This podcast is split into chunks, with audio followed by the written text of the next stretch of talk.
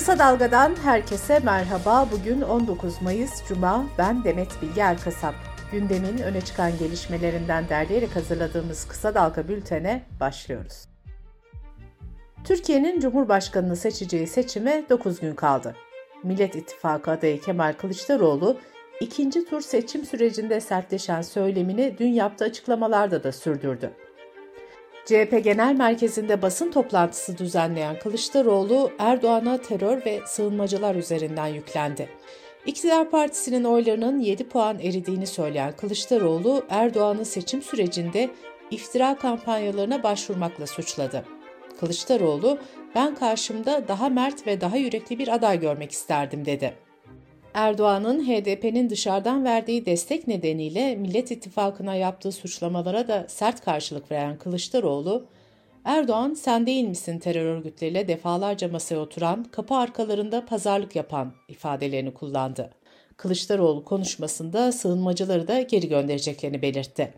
Seçmenlerine 28 Mayıs'ta sandığa gitmeleri ve görev almaları çağrısında bulunan Kılıçdaroğlu, bunun için en az 1 milyon insan sandık başında olacağız, vatanını seven sandığa gitsin dedi. Cumhur İttifakı'nın adayı Cumhurbaşkanı Erdoğan da bir Twitter mesajı paylaşarak meclis seçiminin Cumhur İttifakı'nın zaferiyle sonuçlanması, Cumhurbaşkanı seçiminde de açık ara bir farkın ortaya çıkması CHP Genel Başkanı'nın ve yönetiminin dengesini iyice bozdu dedi.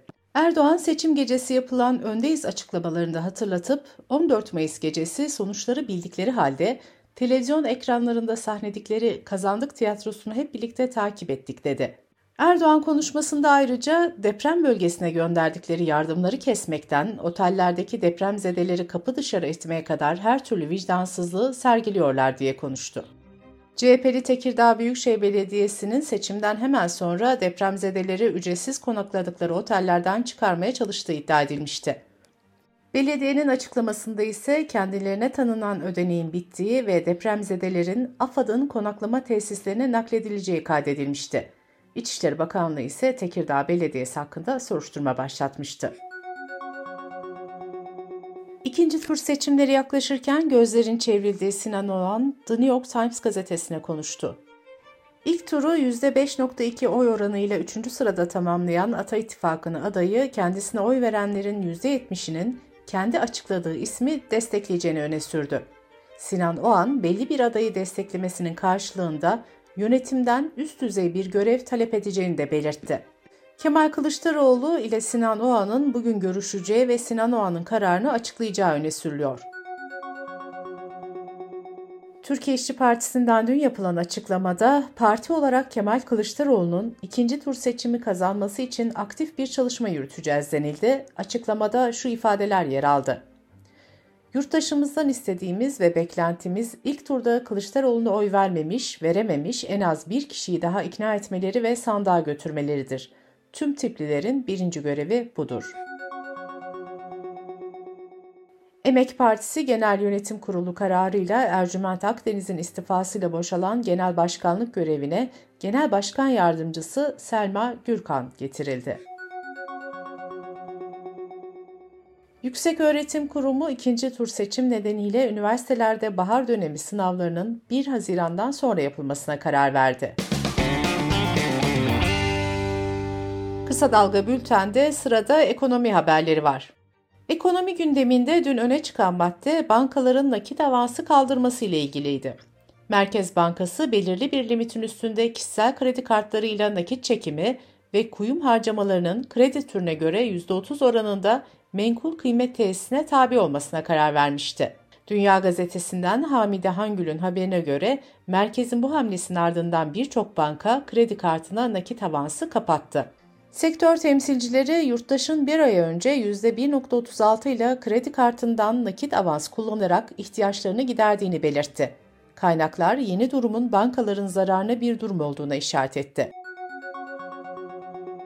Merkez Bankası Mayıs ayı piyasa katılımcıları anketinin sonuçlarını açıkladı. Katılımcıların yıl sonu tüketici enflasyonu beklentisi 37.17 oldu. Bir önceki ankette bu oran %37.77 idi.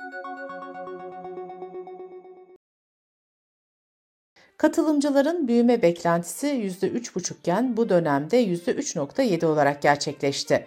Dolar TL kuru beklentisi ise 23,9 lira oldu. Dış politika ve dünyadan gelişmelerle bültenimize devam ediyoruz. Cumhurbaşkanı Erdoğan, Birleşmiş Milletler'le Türkiye'nin arabuluculuğunda Rusya ile Ukrayna arasında imzalanan Tahıl Koridoru Anlaşması'nın iki ay daha uzatıldığını açıkladı. Anlaşmanın geçerlik süresi dün itibariyle bitecekti.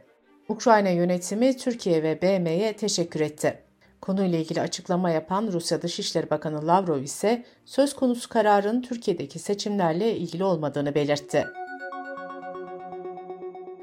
Beyaz Saray Ulusal Güvenlik Danışmanı Sullivan, Cumhurbaşkanlığı seçiminin ikinci turunu kim kazanırsa kazansın Türkiye ile çalışmaya devam edeceklerini söyledi.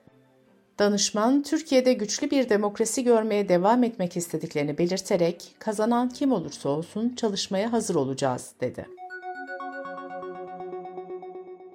ABD donanmasına ait güdümlü füze gemisi AB üyesi Kıbrıs Cumhuriyeti kontrolündeki Limassol limanını ziyaret etti. Kuzey Kıbrıs yönetimi ABD'yi taraf tutmakla suçladı. Türkiye Dışişleri Bakanlığı da duruma tepki gösterdi.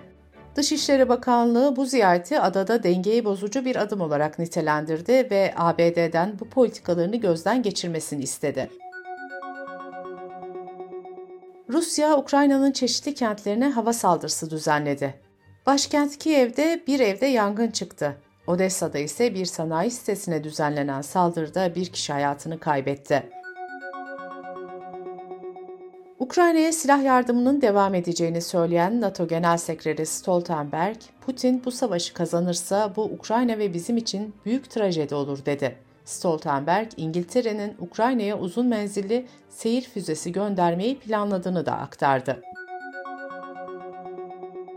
Yunanistan'da pazar günü seçimler yapılacak. Anketlere göre Başbakan Mitsotakis seçim yarışını rakibi solcu lider Çipras'ın 6 puan önünde götürüyor. Ancak Mitsotakis'in mecliste tek başına çoğunluğu elde edemeyeceği de belirtiliyor.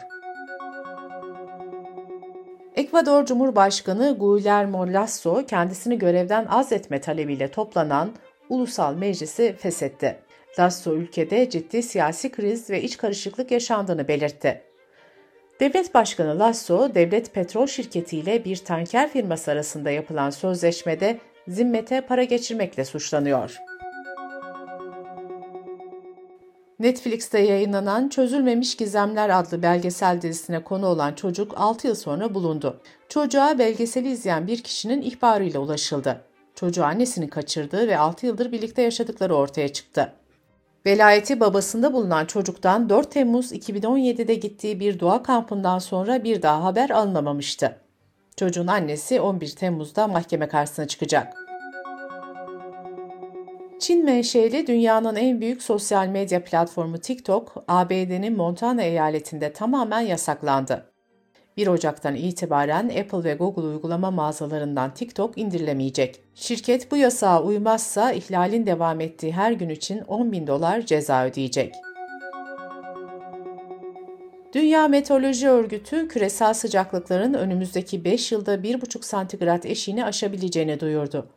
Rapora göre önümüzdeki 5 yıldan biri ya da tamamının kaydedilen en sıcak dönem olma olasılığı %98. Bültenimizi kısa dalgadan bir öneriyle bitiriyoruz. Gazeteci Yeşim Özdemir'in sorularını yanıtlayan siyaset bilimci Edgar Şar, 14 Mayıs seçim sonuçlarını değerlendirdi ve ikinci turdaki olasılıkları anlattı. Yeşim Özdemir'in söyleşisini kısa dalga.net adresimizden ve podcast platformlarından dinleyebilirsiniz. Gözünüz kulağınız bizde olsun. Kısa Dalga Medya.